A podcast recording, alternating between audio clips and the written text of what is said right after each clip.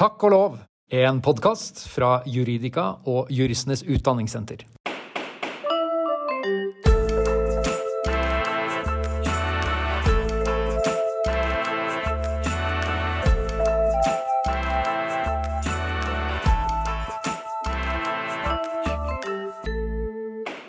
Hei og hjertelig velkommen til nok en episode av Takk og lov, en podkast for deg som lurer på hvordan jussen, og kanskje også juristene, egentlig er skrudd sammen. Det hender jo at vi jurister fremstår ørlite grann elitistiske og insulære, ikke bare fordi vi bruker ord som elitistiske og insulære, men eh, eh, bare helt generelt. I dag så skal vi istedenfor å være det, så skal vi snakke om akkurat det samme som alle andre folk snakker om. Det er vanlige folks tur. Det er ingen som innfrir på det løftet, riktignok, men eh, det er jo egentlig det. Nå skal vi prøve å innfri på det løftet, for vi skal, som alle andre vanlige folk, snakke om habilitet. Og til å hjelpe oss med det, så har vi jo da måttet finne en ufattelig habil fyr. Et slags orakel som eh, har full oversikt over all juss. Ja, nå, det, nå ble det vanskelig her, men eh, han har iallfall utrolig mye innsikt og erfaring, så vi gleder oss til å snakke med Stefan Jervel om habilitet. Velkommen hit, Stefan. Takk, det var jo veldig vakre ord. eh, Litt overdrevne, selvfølgelig, men tusen takk skal du ha. Ja, det er ikke så veldig overdrevne, faktisk. Ja vel, vel, vi får se. Altså, jeg har eh, Jeg har jo alltid hatt en litt sånn eh, ærefrykt for deg. Eh, det vet ikke om du husker det, men jeg husker veldig godt at eh, du var en av mine to sensorer på muntlig eksamen. Oi. Nei, det husker jeg faktisk ikke, men det, det burde jeg selvfølgelig ha husket. Nei, det, det, det var vel flere kandidater sånn. Det var litt mer spesielt for meg, den opplevelsen, for deg, tenker jeg. Men da var det Det var to muntlige sensorer, og det var du, og så var det Petter Hambro. Oh, ja. Og dere var sånn good cup, bad cup. Og Petter Hambro var good cup, og det var ikke du. Det hørtes ikke ut som noen god opplevelse. Jo da, det var en helt eh, fin og hyggelig opplevelse, men eh, jeg følte nok at det var du som stilte de, de vanskeligste spørsmålene. Uff, ja ja. Du har, du har overlevd, da, Ja da, skjønner jeg. jeg tenker du skjerpet meg, og det hadde jeg helt sikkert godt av. Bra. Jeg håper du fikk god karakter. Jeg fikk eh, Jeg tror ikke jeg gikk ned, i hvert fall. Å, det er bra. Det er bra. Um, et fun fact om deg, eh, et artig faktum som vi prøver å samle inn om gjestene våre, det har jo ikke vært så vanskelig, og det er jo florert fra dine venner med Nei da, slapp av, det går fint.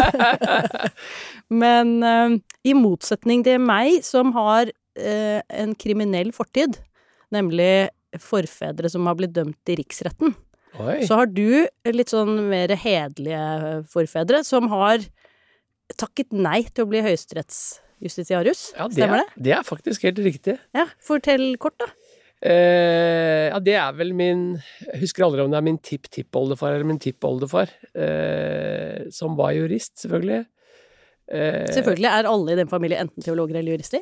Nei, det er, det, er verk, det, det er en del teologer og en del jurister, men, men eh, det er ikke noe overvekt av det, egentlig. Det er egentlig ganske spredd. Det er leger og lærere og folk flest, egentlig. I alle mulige områder. Forretningsfolk. Men det, det, er, det er en del teologer og offiserer og sånn som det var i gamle dager. Ja. Men eh, ja, min forfar, han, han, eh, han var fylkesmann nordpå. Og da snakker vi om Hilmar Krog. Ja, Ja. helt riktig. Eh, han eh, var fylkesmann, eh, det het vel da amtmann eller noe sånt, og han var veldig opptatt av skolevesen, og bygget opp mye av skolevesenet i de nordlige, altså i Finnmark og Troms, og, og var en veldig habil jurist, og ble spurt om å bli høyesterettsjustitiarius, men takket nei fordi han heller ville bygge skoler, og jeg tror han så på dommergjerningen som litt sånn isolert og elitistisk, og man liksom fikk ikke gjort noe særlig. Og det er jo riktig, man treffer bare avgjørelser i enkeltsaker, men han hadde et videre perspektiv. Så jeg tror han var en veldig flott fyr, faktisk. Det var jo veldig Jeg vakker historie. bilde bilda historie. på veggen hjemme, Og dette er fint. Veldig bra. Så det er hyggelig. Så bra. Du, eh, Stefan, jeg skal ikke bruke masse tid på å dra gjennom din imponerende CV her. Du jobber nå som partner i, i Wiersholm. Det vi skal snakke om i dag, er habilitet. Eh, og når jeg tenker på habilitet, så tenker jeg på noen regler i domstolloven, som jeg husker at jeg av og til tittet på da jeg var domfullmektig. Og så tenker jeg på noen regler i forvaltningsloven. Ja. Er det, er det der ting er uttømmende regulert, eller hvordan skal vi egentlig nærme oss dette habilitetsstyret? Nei, det er jo egentlig et ganske bredt bilde. Altså opprinnelig, altså I domstolsloven har vi hatt habilitetsregler veldig lenge. Eh, paragraf 106 og 107 og 108 osv. Eh, I forvaltningsloven har vi ikke hatt det så lenge. De kom i 67. med den forvaltningsloven vi har nå. Men, men Høyesterett hadde også før 67 funnet vedtak ugyldige av habilitet, altså som en sånn ulovfestet standard. Eh, det er liksom to sånne kjerneord som går igjen, og som man finner i mye lovgivning, og det er upartiskhet og uavhengighet. Ja. Eh, og det finner man også i Menneskerettskonvensjonen, samme ordene. Eh, man finner det i voldgiftsloven, at voldgiftsdommere skal være upartiske og uavhengige. Og så finner man det selvfølgelig mer nøye regulert i forvaltningsloven, som jo er den viktigste habilitetsloven. Det er klart at vi har det i domstolloven òg, men det er enda viktigere for forvaltningen, egentlig. Fordi igjen, det er litt i det samme. Domstoler treffer eh, enkeltavgjørelser og skal selvfølgelig være habile, mens forvaltningen treffer jo massevedtak som rammer veldig, veldig, veldig mange. Og da er det viktig at forvaltningen på alle nivåer er eh, forvaltningstjenestemenn, og opp til statsråden er habile, som det heter.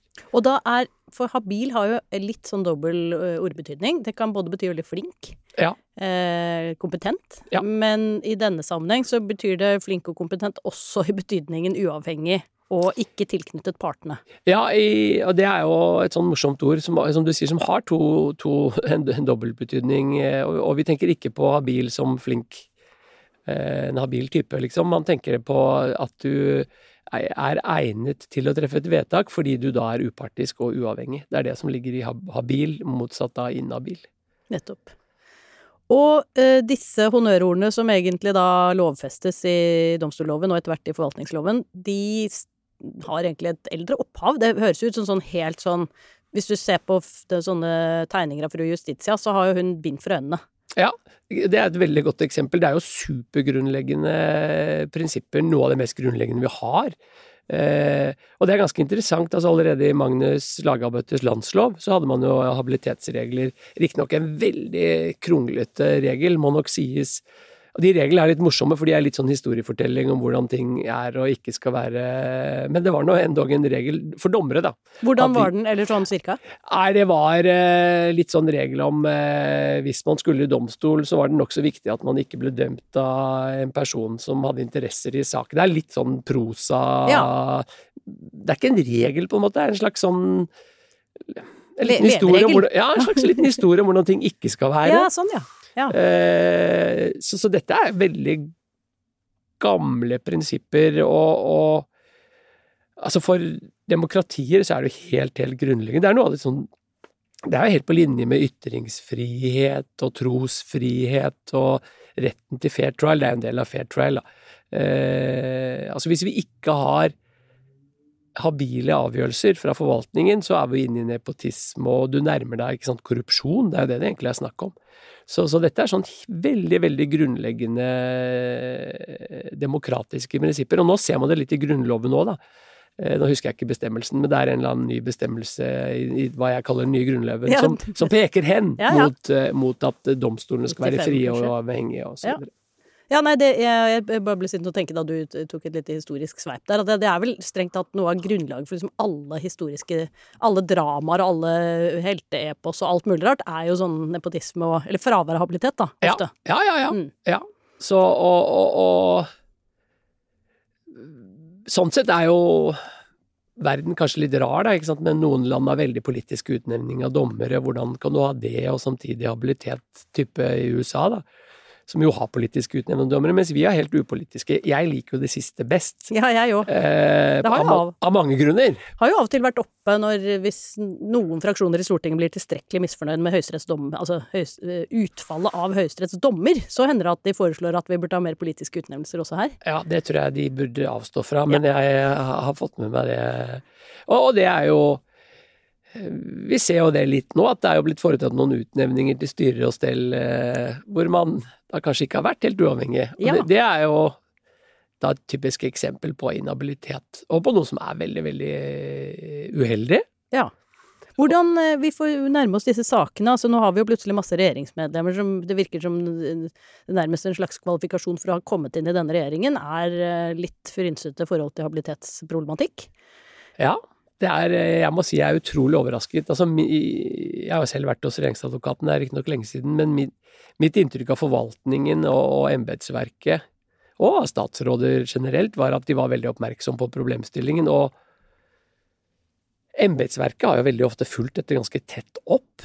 Eh, og det er ganske få saker om inhabilitet i forhold til statsråder, egentlig. Det har vært noen sånne kjente Man hadde jo utnevning av barneombud for en del år siden, hvor det vel var litt tette bånd mellom statsråden og hun som ble utnevnt.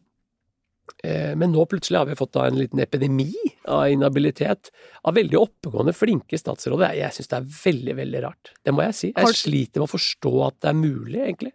Ja, det, og det er, tror jeg er den følelsen ganske mange sitter med. Eh, og, og, og det er kanskje eh, ikke så rart for oss som ikke kan så mye om habilitet, men når du sier det i tillegg, så blir det jo ja. Det er, det er virkelig merkelig. Og hvor det jeg lurer på, som ikke har kommet så tydelig fram, er hvor har embetsverket vært? Ja. Eh, typisk når, eh, når, et departement utnevner et styre, styremedlemmer, så hadde jo jeg hatt en tro på at liksom at eh, embetsverket spør statsråden ok, skal vi oppnevne eh, Eva Jensen, ok, hva er ditt forhold til Eva Jensen, bare så vi har det klart. Helt klart ja. ja. Det er jo en veldig enkel greie.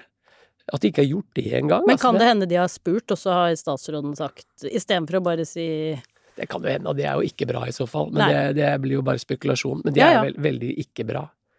Og i det ene tilfellet Hun sitter jo fortsatt, da.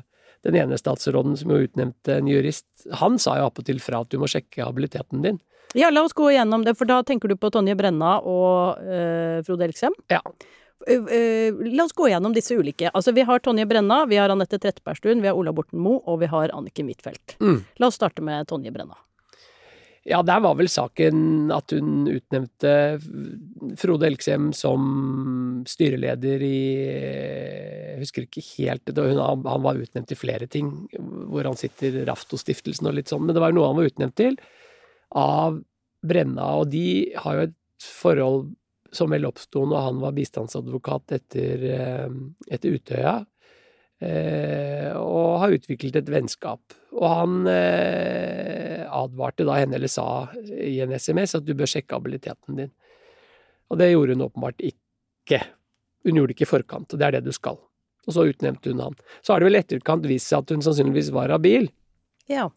Og det, det, er også en sånn raritet, vi kan komme tilbake til det, men dette med vennskapsbegrepet Du skal være veldig nær venn for å være habil. For nær, mener jeg, da. Jeg mener jussen er litt på villspor der. Og jeg får høre, for, hvordan, for det er jo noen ting som er sånn åpenbar habilitetsinnsigelse, typisk eh, nært slektskap, ekteskap, eh, sånne ting. Ja. Men vennskap beskiller seg fra dette? Ja, man har noen sånne automatiske regler eh, om familie, familie samboerskap, barn, den type ting. Det er det enkle, for det der er, det er svart-hvitt binært. Altså mm. Enten er du habil, eller så er du ikke. Er du gift med vedkommende, eller har du en sønn, datter? De er veldig enkle. Og så har du de vanskelige. Det er eh, en egen regel om at hvis det er forhold, som det heter i loven, er egnet til å, egnet til å svekke tillit, ja. eh, da skal du avstå, da skal du være inhabil. Og hva er egnet til å svekke tillit? Og da har det utviklet seg en lang praksis vedrørende vennskap. Og der, der eh, har praksis lagt seg på en veldig streng linje, og det er litt det, er litt sånn rart, fordi man har sagt at ja, man blir jo ikke inhabil hvis man utnevner fetter og kusiner, eh, og endog ikke nevøer og nieser, tror jeg, og da, da, må jo vennskapet være veldig nært for at man skal uh, bli uh, inhabil. Ja. Og så har det blitt sånn veldig De driver og undersøker uh, Går man i hverandres bursdager og kjenner man hverandres barn, er veldig merkelig, og det skal veldig, veldig mye til. For mye, mener jeg. Men i, i, i Brennas sak så kom vel Lovavdelingen til at uh, hun ikke var inhabil. Og hvilke regler er det vi er på nå? Er det forvaltningsloven? Det er forvaltningsloven. Ja, og så den gjelder det er det som gjelder for statsråder. Ja. Har den gjort det hele tiden, eller? Nei, og det er interessant. Det er også en sånn pekularitet i Norge at inntil jeg husker ikke årstallet helt, om det er 2020 eller 2021, så var jo de, de handlinger statsrådene gjorde som statsrådsmedlem, altså det som skjedde i regjeringen, der behøvde du ikke være habil. Veldig rar regel. Mm. Eh, og den ble påpekt i internasjonale fora til Norge at det der er veldig rart at dere har, det er merkelig, det burde dere gjøre noe med, så de har tatt det bort. Men uansett, før det også, du var Habilitetsreglene gjaldt for deg som minister, altså som leder av departementet. De vedtak du traff som leder av departementet, de gjaldt.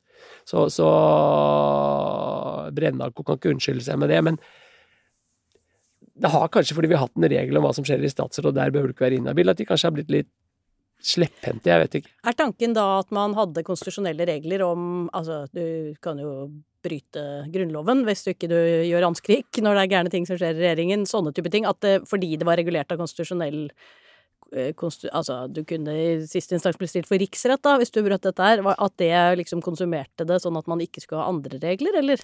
Altså, jeg tror også det var litt sånn at man tenkte at nei, det Norge er litt små forhold, at en og annen er inhabil oppi når vi først treffer et vedtak oppi regjeringen, det må vi liksom godta. Eh, Og det, det henger også sammen, det er et stort kollegi, ikke sant. Ja. Så om én eller to eller tre er inhabile, så er ikke det så farlig, fordi flertallet rår eh, Og det, det er jo riktig helt til vedkommende eventuelt kommer på vippen, da. Ja. Da er det veldig uvik, da er det veldig, plutselig veldig viktig. Ja. Så det er en rart, det er, det er vanskelig å forklare at vi egentlig har hatt det sånn, men nå er det fjernet, da. Så Men vennskapet Det var jo vennskap i den Trettebergstuen-saken også, var det ikke det? Ja, og der har man åpenbart kommet til at vennskapene var såpass tette, altså tettere da, enn eh, Elgsem eh, Brenna, at eh, Trettebergstuen da var inhabil. Ja, og det var vel i to utnevnelser, så vidt jeg husker. Ja. Så, så, og da må jeg si at jeg syns det er rart. Hvor er liksom Hvor har embetsverket egentlig vært, altså? Altså, hvor har hun vært? Det er jo Det er vel et slags hovedansvar hos personen selv, tross alt. Selvfølgelig. Ja. Og det, og det følger av loven, at du skal selv vurdere din habilitet og treffe en avgjørelse på det. Ja. Eh, og det gjelder for alle embets- og tjenestemenn og statsråder. De skal gjøre en vurdering. Er jeg habil til å treffe denne avgjørelsen? Nettopp. Så, og, og, og, og, det er jo ganske ofte de erklærer seg inhabil, og man må da sånn sette statsråd. For det problemet når en statsråd er inhabil, så trekker vedkommende med seg hele departementet sitt. Ja, har du settedepartement? Ja, da har du settestatsråd, ja. Ja, men de har ikke noe eget departement, det er departementsløse settestatsråder. Ja, de, det der fikser de og trikser nok litt til. Jeg tror nok mye skjer blant de tjenestemenn som normalt gjør det, og det er greit, så Ja. lenge det er en på toppen som da treffer den avgjørelsen. Skjønner. Så man må være litt praktisk og pragmatisk. Vi er jo det i Norge. Ja, det er vel eh, både noe av det beste og noe av det som gjør det krevende for jusstudentene av og til, for da er det det når de endelig har tenkt at de skulle klare logisk å dedusere seg frem til en regel, så er det ikke sånn likevel. Nei, det er eh, Vi er veldig pragmatiske. Ja. Jeg tror det er godt, det. Ja, ja, det er jeg helt enig i. Ok, det er Tonje Brenna og Anette Trettebergstuen. Én En hadde Der var det ikke nære nok venner, og i andre så var det litt for nære venner. Ja, Det er vel forskjellen på de to. Og Ja. den ene fikk bli, og den andre måtte gå. Sånn var det. Ja. Og så har vi to mer sånn økonomiske varianter av statsråder. Ola Borten Moe og Anniken Huitfeldt. ja, det er jo også vanskelig å forstå Altså, der er det, det er to ting som er vanskelig å forstå. Det ene er jo Eller det er mange som er ting som er vanskelig å forstå, men i forhold til Borten Moe så er det to ting, og det ene er jo at at statsråder har lov å kjøpe aksjer. Det må jeg jo si er eh, Og det har, ikke, det, det har ganske mye med inhabilitet å gjøre, men enda mer med innsideforbudet å gjøre. Ja. Fordi statsrådet vet jo har jo, sitter jo på veldig mye innsideinformasjon. Typisk er jo De har jo visst på i forkant at de skulle innføre denne lakseskatten, altså grunnrenten som det ble kalt. Eh, og visste man det, så visste man at lakseaksjene ville jo falle betydelig. Falt jo massivt når det ble kunngjort. Eh, og da er det rart at statsråder i det hele tatt får lov å At de ikke har et reglement om at du ikke får lov å selge, kjøpe aksjer. Så står det et eller annet wishy-washy, nå er det jo innført, da, men det sto noe wishy-washy om at de skulle være forsiktige. Hva slags tullregel er det? Så eh, det syns jeg er veldig merkelig. Ja, vi har jo blitt oppmerksom på at også Sindre finnes. Eh, Ja, og, og og, handlet aksjer. veldig voldsomt omfang òg, hvis det er riktig det som har kommet fram de hele siste dagene. Altså, han har jo daytradet i samme aksje flere ganger om dagen. Men da kan det jo hende at man Det er vel litt det som, og det kommer vi kanskje tilbake til når det gjelder Anniken Huitfeldt, altså hvor mye snakker ektefeller sammen, blir jo et spørsmål her også. Ja, det, det varierer vel fra ekteskap til ekteskap, vil jeg tro. Det vil jeg også tro. Men, men, men Borten Moe er vanskelig å altså det er vanskelig å forstå at han fikk lov, at det i det hele tatt var lov. Og, og han har jo ikke tredet så mye. Det var jo noen store investeringer i enkeltstående aksjer eh, som jo virket gjennomtenkt og fornuftig, for så vidt. Men problemet er at Fra, han en, fi- fi- fra et finansielt var, fra et finansielt standpunkt. Men han, problemet er at han var statsråd.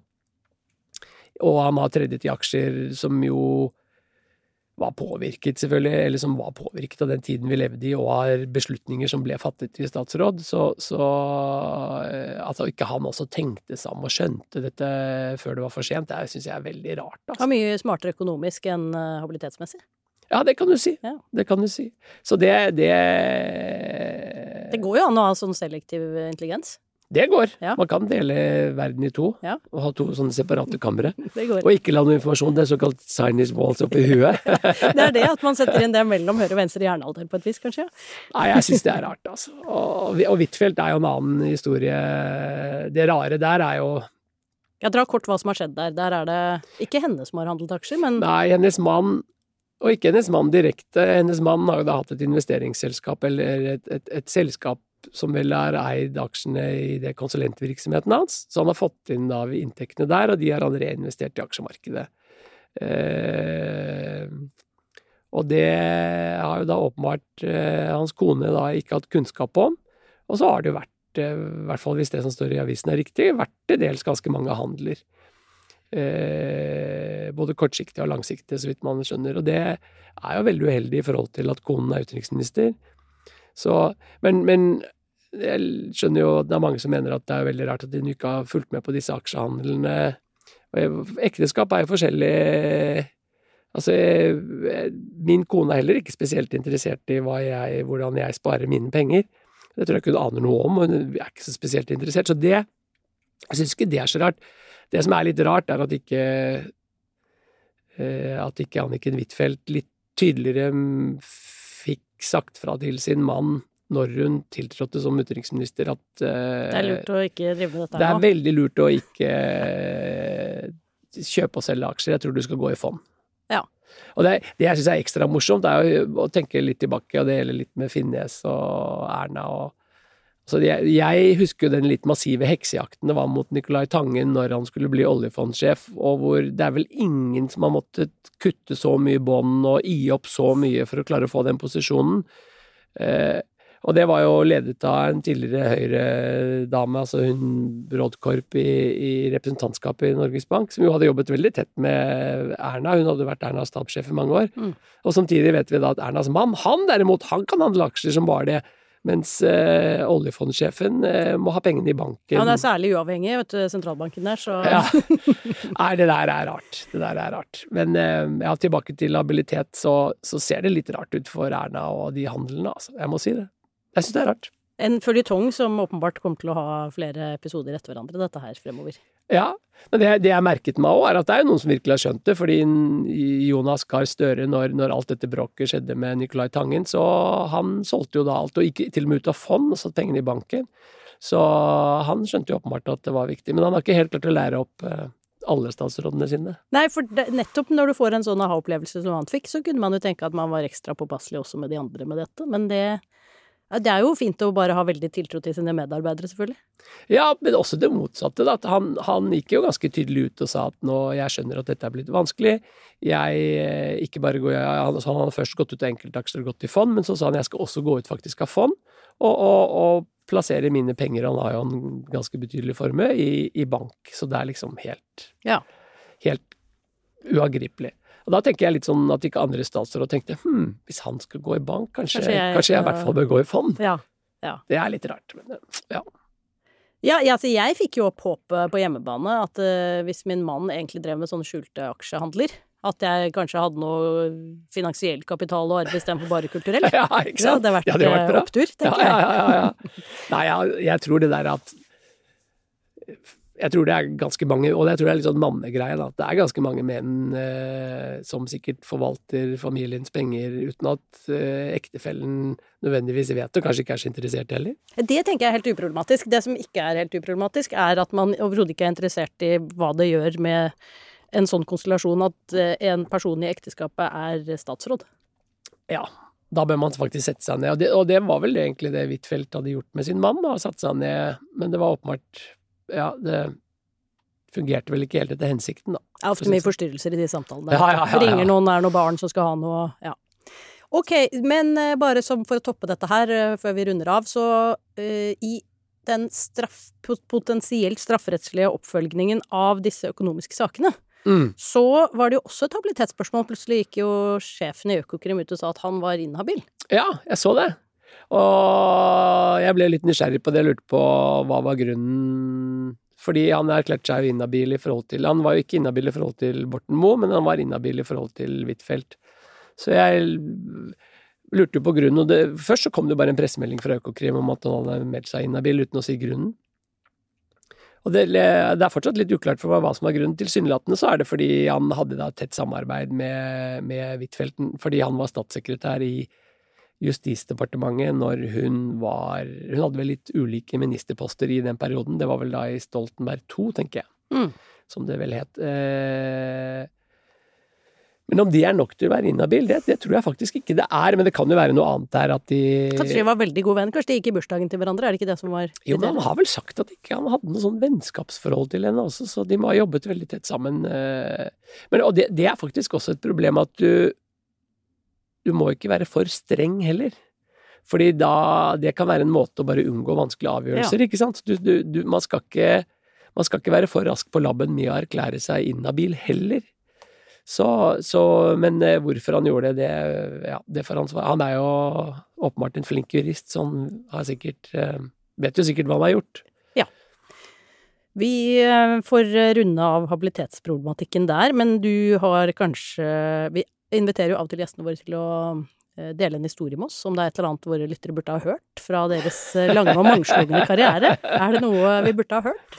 Nei, ja Altså, jeg har jo vært prosedyreadvokat i uff, snart 25 år, holdt jeg på å si, i hvert fall i par og tyve. Og, og man opplever litt av hvert i retten det, det er nok litt mindre i det litt striglede forretningsadvokatmiljøet jeg er i nå, eh, selv om det er en morsom episode da òg. Men jeg, jeg husker veldig godt en episode Det var en veldig fargerik forretningsmann i Nord-Norge, en av de mindre byene veldig langt nord eh, som også var dreven med å gå i retten. Han har vært i Høyesterett og vunnet i Høyesterett, og, åpenbart eh, han var en fighter.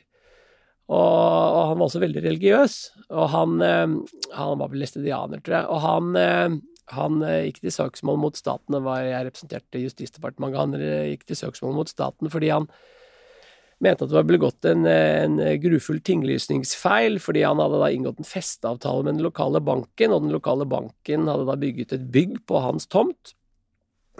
Alt i henhold til festeavtalen osv., men så viste det seg at eh, han i ettertid ikke hadde fått et lån, eller noe lån fra banken han mente han burde ha fått, og da ble han sur på banken og mente hele greia var ugyldig. Eh, og når han, ga, når han avga forklaring, veldig fargerik fyr, så starter han sin egen forklaring med å si at, eh, at eh, hele den rettssaken spant ut av at eh, han hadde ligget en natt, og så hadde han fått en åpenbaring. Ja. Og det er ikke så ofte man hører om. Nei, nei, det må Så han hadde fått en åpenbaring fra Gud, som hadde sagt til han at, at du må slå opp i boken. Og han hadde da funnet fram den sorte boken, som han sa. Nei, nei, hadde Gud sagt. Ikke, ikke, ikke den sorte boken, den røde boka. Å ja. Eh, og da hadde han da den røde boken, hadde lurt, og Gud sagt ja, lovboken. Så Gud hadde åpenbart peiling på dette. Ja, ja, det Og så hadde han spurt ja, liksom, hva skal jeg slå opp? Jo, du skal slå opp tinglysningslovens paragraf 27. Og da det han hadde slått opp og skjønt at ah, det var det, han hadde en sak, han skulle gå til sak mot staten og få denne Dette var grunnlaget for saken. Dette, dette var grunnlaget for saken. Og det var et veldig morsomt. Problemet var at Gud var god på, på åpenbart hadde peiling På jussen, men ikke Ja. på faktum, kanskje? Jo, nei, han traff for sånn på loven og den røde boken, og alt, men han bommet på paragrafen, da. Det var jo litt dumt. Ja, så Gud er jo ikke ufeilbarlig, da. Nei, nettopp. Så, så Isak tapte, da, dessverre. Guddommelig intervensjon til ingen nytte. Ja, det traff bare loven med en gal paragraf, så det var jo veldig uheldig. Det er, det er syns Det er jo ikke så ofte Gud griper inn. Er mitt inntrykk, da. Nei, det er Når- sjelden du hører Når det. hen først gjør det, så burde kanskje Og det var Ja. ganske underholdende retten her. Du satt jo med tre litt stive eldre lagdommere som satt De slet veldig med å holde seg alvorlig. og Var veldig Å ja, jeg tror Isak, som han het, Isak Hansen fra Karasjok, jeg tror han mente dette helt, helt alvorlig, jeg. Men han tapte, dessverre. Nei, har du hørt? Dette møtet mellom jus og teologi var en nydelig avrunding på denne episoden, vil jeg si. Eh, tusen takk skal du ha, Stefan. Det var veldig hyggelig å ha deg med her. Takk. Og takk også til dere lyttere som har eh, fått denne stuntstarten på nok en sesong av Takk og lov. Vi høres igjen i neste uke, eh, og takk og lov hvis dere vil være med oss da også. Da er det tid for litt grann reklame. For det du nå, takk og lov, har brukt litt grann av tiden din på, det er å høre på en podkast som jeg får lov å lage sammen med Juridika og Juristenes Utdanningssenter. Med oss på laget så har jo vi noen av de klokeste hodene i jussens verden, og de hjelper deg med å holde deg faglig oppdatert til enhver tid, og takk og lov for dem!